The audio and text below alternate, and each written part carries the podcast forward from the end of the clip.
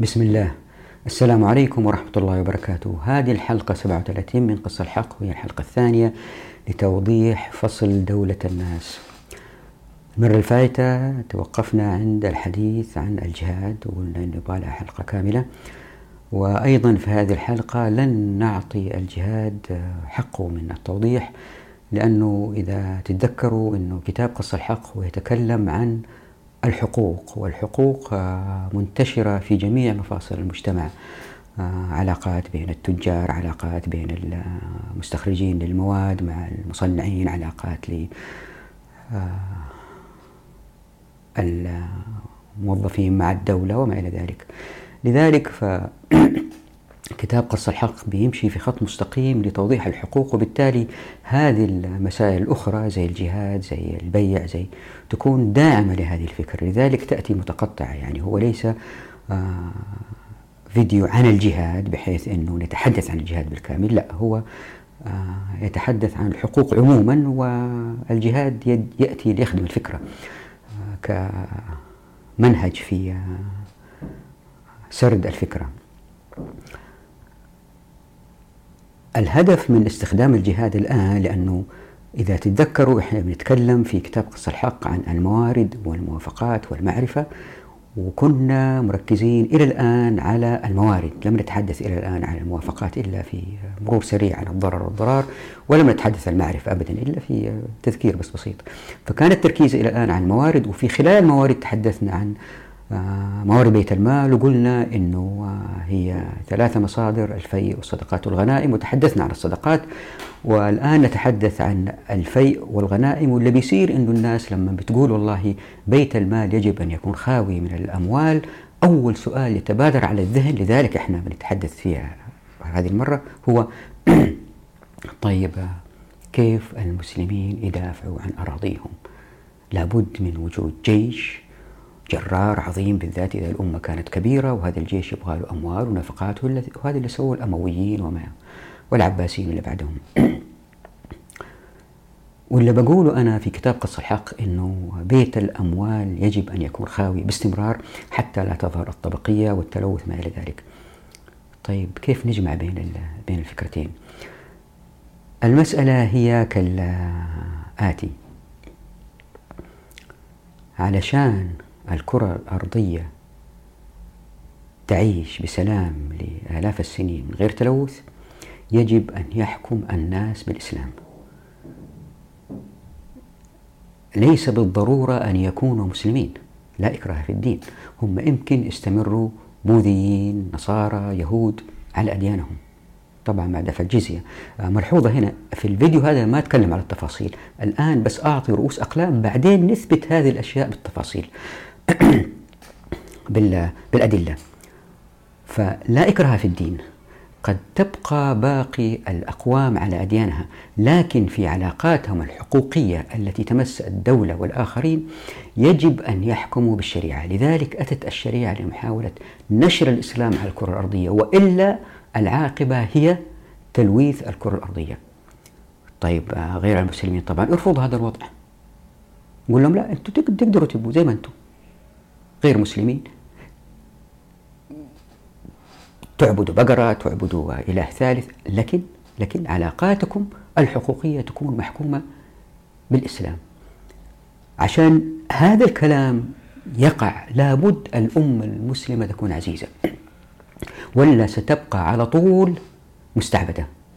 الشريعة أتت بحركيات. تذكروا أنه في الفصول السابقة تحدثنا عن القيم والحركيات. وقلنا القيم هي التي لن تؤثر كثيرا في التنمية. من ضمن القيم أن الناس لهم أن يعبدوا إن لم يكونوا مسلمين ما أرادوا. ولهم قيمهم اللي يعيشوا فيها. لكن في الحركيات لا. الإسلام وضع حركيات تجعل الأمة عزيزة باستمرار. كيف؟ آه، في نوعين من الحركيات. العلماء يسموا الجهاد جهاد دفع وجهاد طلب. الآن حتى تكون الأمة عزيزة أول شيء يجب أن تكون أمة لا يستطيع الآخرين غزوها. موضوع أن الأمة الإسلامية تذهب للأمم الأخرى هذا موضوع آخر. الآن خلينا في موضوع أنه الأمم الأخرى لا تستطيع غزو الأمة المسلمة. إذا لاحظتوا زي ما صار في فيتنام أمريكا لما حاولت تخلي فيتنام رأسمالية ما هي شيوعية واضطرت تنزل هناك وعشرات السنين كانت تحارب. اللي صار أن الشعب الفيتنامي تفاجأ بوجود القوات الأمريكية القوية هذه وأخذ أجيال ألين يطرد الأمريكان. فالجيل الأول بدأ يرفض الاستعباد والاستعمار مع الآخرين وهذا حدث أيضا في الجزائر وفي مصر. كل العالم الإسلامي اللي كان مستعمر وحتى غير المسلمين اللي كانوا مستعمرين. تمر الأمة المستعمرة أو المحتلة بمراحل. المرحلة الأولى هي تتفاجأ باللي صار. المرحلة الثانية تبدأ بعض الشجعان منها يبدأوا يرفضوا هذا الشيء ثم بالتدريج جيل بعد جيل يبدأوا يتعلموا كيف ينظموا أنفسهم كيف يجيبوا أسلحة كيف يصنعوا أسلحة. وقد تأخذ العملية فوق مئة سنة زي ما صار في الجزائر مثلا. فكل أمة محتلة تأخذ وقت ألين تستيقظ وفي النهاية تخرج المحتل. هذه قاعدة المحتل سيخرج. لكن متى؟ جاءت الشريعة وخلصتنا من هذه المسألة وضعت حركيات تجعل الأمة المسلمة على طول قوية لا يمكن أحد يضع رجله فيها. وهذه سنأتي لتوضيحها في الحلقة القادمة في الحديث عن القوة الحقة مثلا الشريعة تحث الناس على حمل السلاح باستمرار. مش باستمرار يعني هو ماشي في الشارع لا. يعني كل واحد عنده ما يكفيه من السلاح في حالة حدوث غزو عن المسلمين. الشريعة عملت آه، مسألة التدرب على السلاح وحمل السلاح نوع من العبادة وما إلى ذلك. هذه سنأتي إلى تفصيلها تبين كيف أنه الأمة المسلمة ستبقى على طول لا يستطيع أحد وضع رجل فيها. طبعا الأمم التي تغزو دائما تفكر في الغالب يعني آه، أنه نستطيع احتلال هذه المنطقة مثل ما نابليون جاء لمصر. طيب الاحتلال بسيط. الإشكالية هي في استمرار الاحتلال لفترة طويلة. وهذا لن يقع إن الأمة الإسلامية مشيت عن أو آه، تبنت حركيات من خلال أحاديث وآيات تجعل الأمة المسلمة على طول مستعدة لأي غزوة. المسألة الثانية إلى هي أنه طيب هذه الأمة المسلمة مستعدة الآن لردع أي غزو. كيف بتطبق الشريعة والأمة الثانية بتحكم على كيفها بعقلها البشري ولو في الأرضية.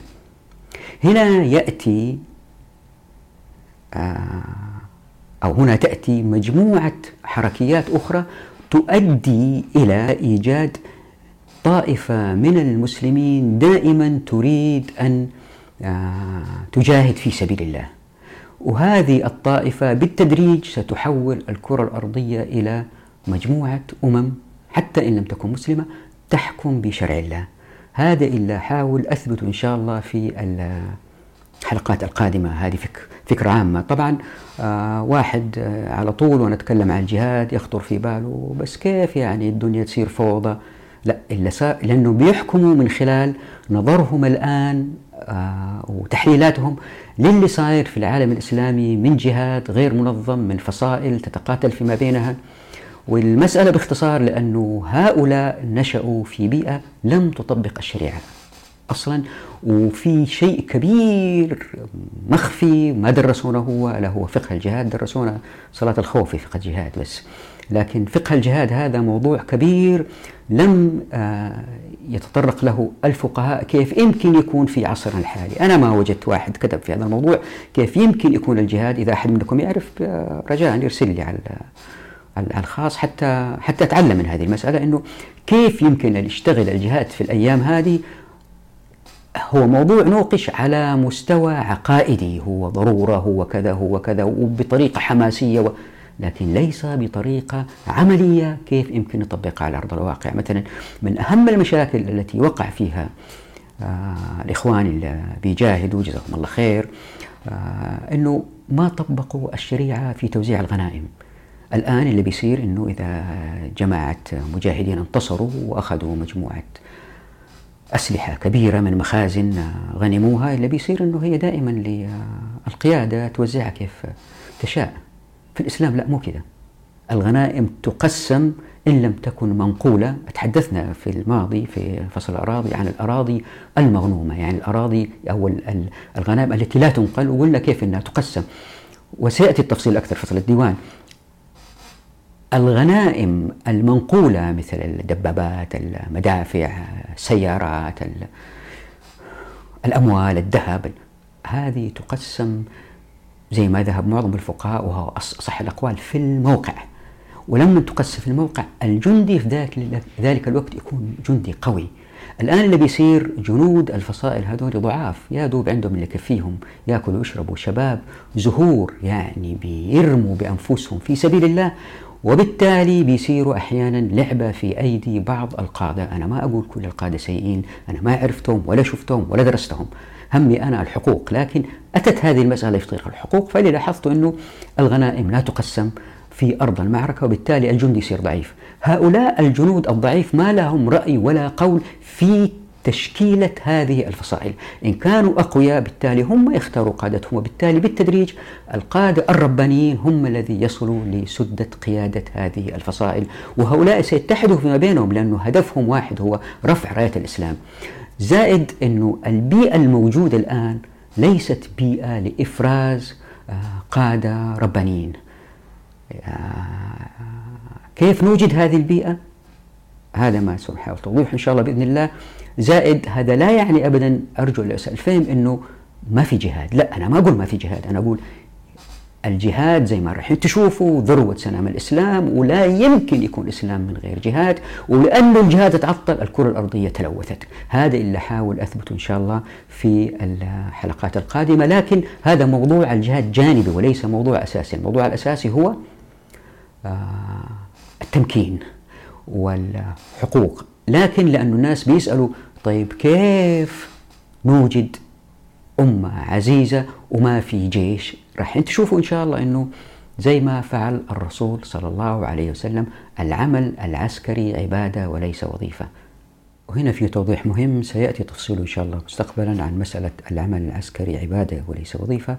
هو معناه بالتحديد كالآتي اللي صار أنه أيام الرسول صلى الله عليه وسلم زي ما راح نشوف في الآيات كلها تشير إلى أنه ما في ولا جندي واحد أخذ راتب من الرسول صلى الله عليه وسلم قبل المعركة.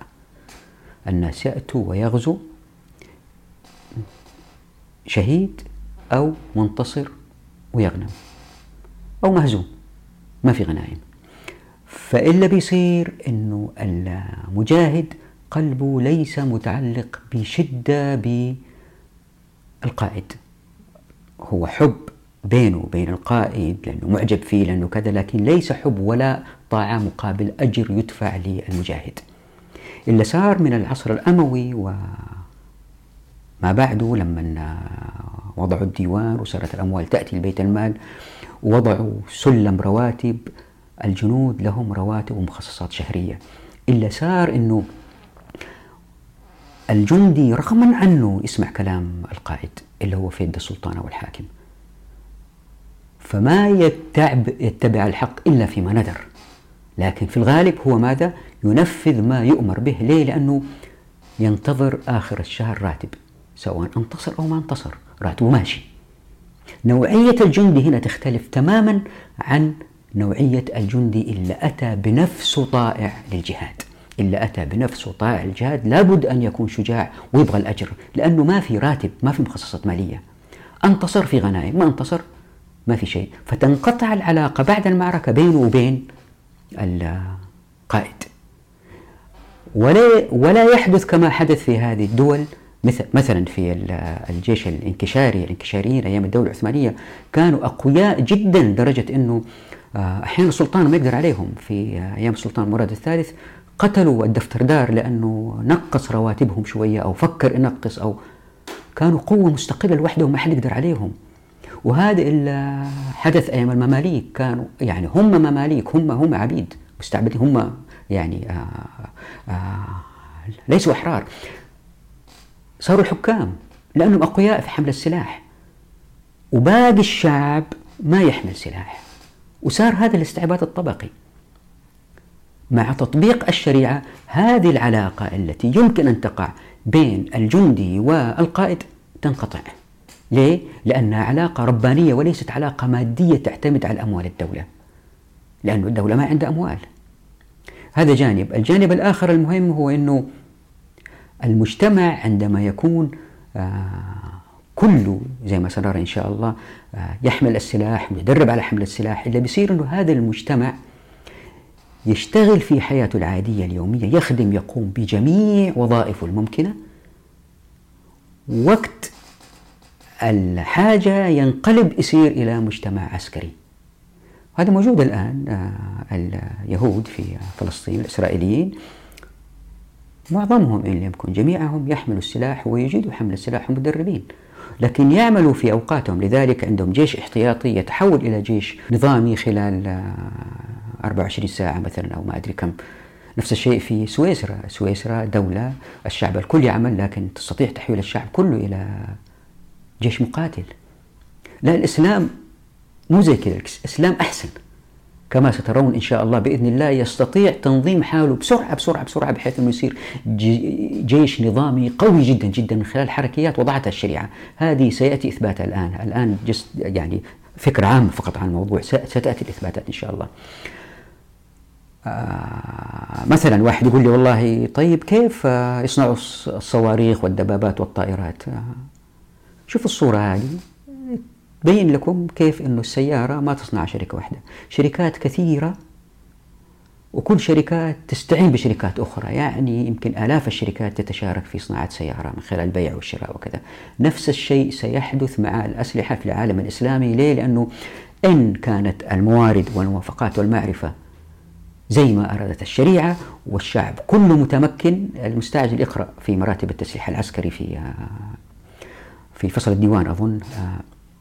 ورايحين نشوف إن شاء الله من خلال مسائل مثل الجعالة، الماحوز، الطواء والأشياء هذه.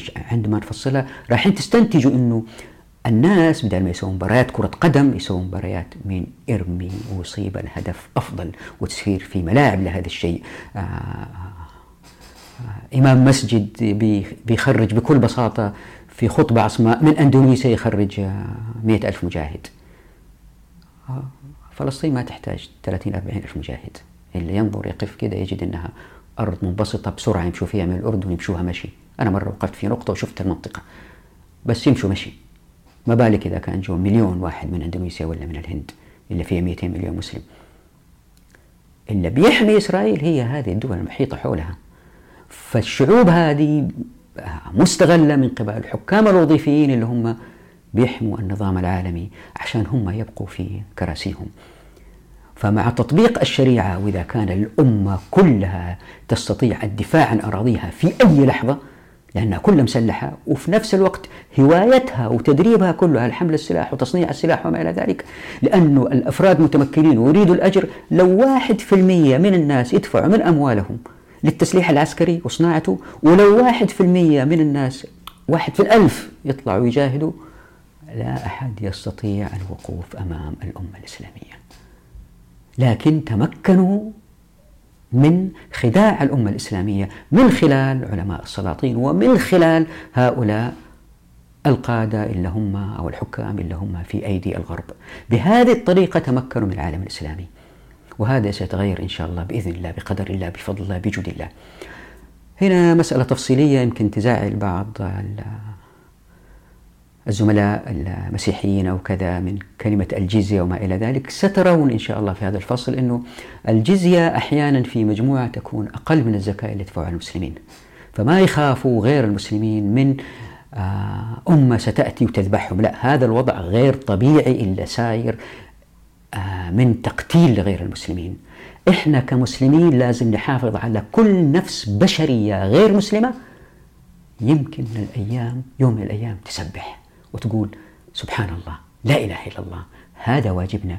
لذلك ليس بالضرورة أن ينتشر الإسلام بحمل السلاح زي ما سووا الإخوان آه، الحضارم عندما نشروا الإسلام في آه، أندونيسيا وماليزيا والفلبين والمناطق هذه بالتجارة. اللي بيصير أنه غير المسلمين لما يشوف الأمة الإسلامية متمكنة وعزيزة وبتطبيق بخصوص الحقوق بتزدهر هم رايحين يسلموا من غير قتال. والآن لإثبات السابق لابد أن نمر على الآيات والأحاديث لنثبت أن العمل العسكري عبادة وليس وظيفة والمسائل الأخرى التي وضحتها. نبدأ بحديث في صحيح البخاري رضي الله عنه أن الرسول صلى الله عليه وسلم قال من يرد الله به خيرا يفقهه في الدين. والله المعطي وأنا القاسم. لاحظوا والله المعطي وأنا القاسم. يعني الرسول صلى الله عليه وسلم يقسم الغنائم هو قسمها قبل نزول الآية في غزوة بدر. يأتي التفصيل. ثم بعد ذلك لما نزلت الآية آية الغنائم التزم بها ولم يخرج عنها صلى الله عليه وسلم. لاحظوا ولا تزال هذه الأمة ظاهرين على من خالفهم حتى يأتي أمر الله وهم ظاهرون. يعني الإشارة هنا واضحة إن, إن الأمة ستبقى ظاهرة طالما جاهدت وقسمت الغنائم بين الغانمين. وإن لم تفعل فلا مفر من المذلة. خلينا نوضح هذه العبارة الأخيرة إنه وإن لم تفعل فلا مفر من المذلة. جاء في سنن أبو داود والبيهقي ومسند الإمام أحمد أن الرسول صلى الله عليه وسلم قال لئن أنتم اتبعتم أذناب البقر وتبايعتم بالعينة وتركتم الجهاد في سبيل الله ليلزمنكم الله مذلة في أعناقكم ثم لا تنزع منكم حتى ترجعون إلى ما كنتم عليه وتتوبون إلى الله. وجاء في فيض القدير وأخذتم أذناب البقر كناية عن الاشتغال عن الجهاد بالحرث ورضيتم بالزرع أي بكونه همتكم ونهمتكم. وتركتم الجهاد أي غزو أعداء الرحمن ومصارعة الهوى والشيطان. سلط الله أي أرسل بقهره وقوته عليكم ذلا بضم الذال المعجم وكسرها ضعفا استهانة لا ينزعه لا يزيله ويكشفه عنكم حتى ترجعوا إلى دينكم أي الاشتغال بأمور دينكم. وأظهر ذلك في هذا القالب البديع لمزيد من الزجر والتقريع حيث جعل ذلك بمنزلة الردة والخروج عن الدين. يا ساتر يا الله. ملحوظة توضيحية أن الواحد يمكن يسأل ويقول هل هذا الحديث يعني أنه الرسول صلى الله عليه وسلم يريدنا أن نوجد مجتمع فقط يقاتل ما يشتغل في الزراعة والصناعة وما إلى ذلك؟ طبعا الجواب لا وسيأتي التوضيح إن شاء الله بإذن الله في الحديث عن السمو سمو المجتمعات.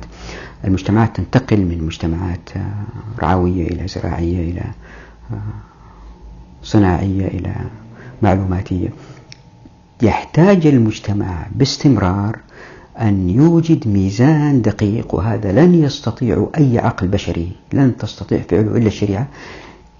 إيجاد ميزان بين التنمية التي تحتاج إلى الإنتاج الزراعي والصناعي وبين التفرغ جزئيا في وقت محدد إلى العمل العسكري. الذهاب والعودة بين الاثنين. مش لجميع المجتمع لكن لبعض أفراد المجتمع. آه، في كتاب كتب قبل آه، في الثمانينات أظن لواحد اسمه بول كينيدي بعنوان Rise and Fall of Great Powers. يعني بيتكلم كيف الدول العظمى تنهار بعد أن تصل إلى القمة وبحث عن السبب زي هيبسبرغ فاميليا هذولي ولا الدولة الرومانية والعثمانيين كيف هذه الدول تنهار؟ لما بحث وجد أنه عندما يكون الجيش أقوى ما يكون ويحتاج إلى دعم مالي كثير ويستمر هذا الدعم المالي للآلة العسكرية ولا يستطيع المجتمع الوفاء بهذا الدعم يبدأ الاقتصاد في تلك الأمة يتآكل بالتدريج. بينما العسكر دخلهم كما هو إن لم يزداد. وبالتالي مع الزمن تنهار تلك الأمة. فلا بد من إيجاد ميزان دقيق بين المبالغ المدفوعة للعمل العسكري وإنتاجية الأمة بحيث أنه ما تأثر. وهذه لا يمكن أن يقوم بها عقل بشري. لذلك الدول على مر التاريخ تصعد وتسقط تصعد وتسقط. إلا الإسلام إن طبقناه لن يقع هذا. وسيأتي التوضيح إن شاء الله. لا تنسوا أن هذه الحلقة هي فقط لشرح الأفكار الرئيسية. وأخرج الطبراني عن أبي بكر الصديق قال قال رسول الله صلى الله عليه وسلم ما ترك قوم الجهاد إلا عمهم الله بالعذاب. وطبعا هذه المسألة مؤكدة ومعروفة مشهورة أنه الإسلام ذروة سنامه هو الجهاد. آه، واللي حب يوقف الشاشة هنا وضعت بعض الأحاديث التوضيحية لهذه المسألة. واللي يبغى يتأكد من القرآن فقط يقرأ سورتي التوبة والأنفال ليتأكد من هذه المسألة. ولضرب مثال واحد من سورة البقرة ففي الدر المنثور في شرح قوله تعالى أعوذ بالله من الشيطان الرجيم كتب عليكم القتال وهو كره لكم وعسى أن تكرهوا شيئا وهو خير لكم وعسى أن تحبوا شيئا وهو شر لكم والله يعلم وأنتم لا تعلمون. وفي هذه الآية أخرج ابن حاتم عن سعيد بن جبير في الآية قال إن الله أمر النبي صلى الله عليه وسلم والمؤمنين بمكة بالتوحيد وإقام الصلاة وإيتاء الزكاة وأن يكفوا أيديهم عن القتال فلما هاجر إلى المدينة نزلت سائر الفرائض وأذن لهم في القتال فنزلت كتب عليكم القتال يعني فرض عليكم وأذن لهم بعدما كان نهاهم عنه وهو كره لكم يعني القتال وهو مشقة لكم. وعسى أن تكرهوا شيئا يعني الجهاد قتال المشركين وهو خير لكم. ويجعل الله عاقبته فتحا وغنيمة وشهادة. وعسى أن تحبوا شيئا يعني القعود عن الجهاد وهو شر لكم. فيجعل الله عاقبته شرا فلا تصيبوا ظفرا ولا غنيمة. والسيوطي رحمه الله جمع أكثر من ثلاثين حديث لإثبات أنه الجهاد هو سمة هذه الأمة إلى يوم الدين وعلى جميع الطبقات ما عدا المعذورين جدا اللي ما يقدروا يتحركوا وفقراء جدا ما عندهم مال يجاهدوا فيه. وبيستشهد بكلمة عسى والتي تعني الوجوب في الآية السابقة بالقول وأخرج ابن المنذر وابن أبي حاتم عن ابن شهاب في الآية قال الجهاد مكتوب على كل أحد غزا أو قعد فالقاعد إن استعين به أعان وإن استغيث به أغاث وإن استغني عنه قعد. وأخرج ابن المنذر وابن أبي حاتم عن عكرمة في قوله وهو كره لكم. قال نسختها هذه الآية وقالوا سمعنا وأطعنا. وأخرجه ابن جرير موصولا عن عكرمة عن ابن عباس وأخرج ابن المنذر والبيهقي في سننه من طريق علي عن ابن عباس قال عسى من الله واجب. وأخرج ابن المنذر عن مجاهد قال كل شيء في القرآن عسى فإن عسى من الله واجب. وأخرج ابن أبي حاتم من طريق السدي عن أبي مالك قال كل شيء من القرآن عسى فهو واجب إلا حرفين حرف التحريم عسى ربه إن طلقكن وفي بني إسرائيل عسى ربكم أن يرحمكم. وضعت هنا في الشاشة اللي حب يقرأ آه كيف بعض الأقوال الأخرى عن كلمة عسى. وطبعا كتب الفقه مليئة كتب الشريعة أقصد مليئة بهذه الأقوال للفقهاء التي تثبت أنه العمل العسكري آه، هو صفة هذه الأمة. وزي ما راح أثبت لكم إن شاء الله أن العمل العسكري هو عبادة وأنه أساس إشكالية هذه الأمة أنه العمل العسكري صار وظيفة وبالتالي مجموعة من الأمة سخرت لخدمة هؤلاء السلاطين والذين في الفترة الأخيرة لما صار الملك جبري بعد ما كان ملك عاض. في الملك العاض كانت الأمم يعني الإسلامية العباسيين الأمويين المماليك العثمانيين كانت إرادتهم في إيدهم مع الملك الجبري. أصبحت هذه الشعوب مستعمرة استعمار غير مباشر عن طريق آه، تسلط الغرب على حكامها والذي ساعد على كذا هو عمل أن العمل العسكري كان وظيفة وهذا ما سنحاول دحضه ونثبت أنه الأمة الإسلامية قدرها أن تكون أمة مجاهدة إلى قيام الساعة. هذا قدرنا لا نستطيع الفرار منه ويجب أن نتعامل مع هذا الوضع وليس كما حدث مع الأسف من علماء السلاطين هذه الأيام أنه القبول بأن العمل العسكري وظيفة وليس عبادة فسهل سحب هذه الأمم كالأغنام من خلال هذه الجيوش المسلحة. تسليح متقن مع شعوب لا تحمل السلاح أبدا فانتشر الفساد. هذا ما سنحاول إثباته من خلال الأحاديث والآيات بس ملحوظة صغيرة هنا. واحد أرسل لي قبل فترة قال لي شوف هذا عالم شريعة ومتخصص في الشريعة مفكر ما نقدر نقول عالم شريعة ومشهور إعلاميا. وكيف يتكلم عن إنه الآن المفروض نقبل كمسلمين بوجود دول كل دولة لها حدود وكأنها دولة عقارية أو مساحة عقارية وأنه يجب أن نعيش مع العلماء مع العالم الغربي.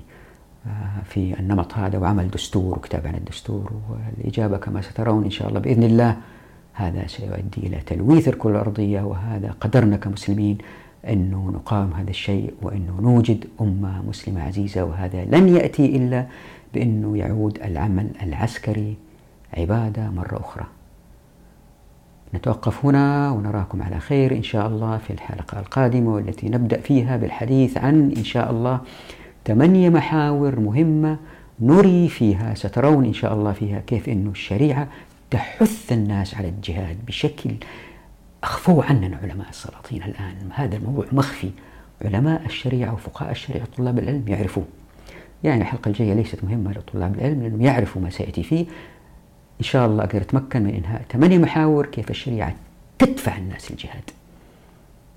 دعواتكم في أمان الله.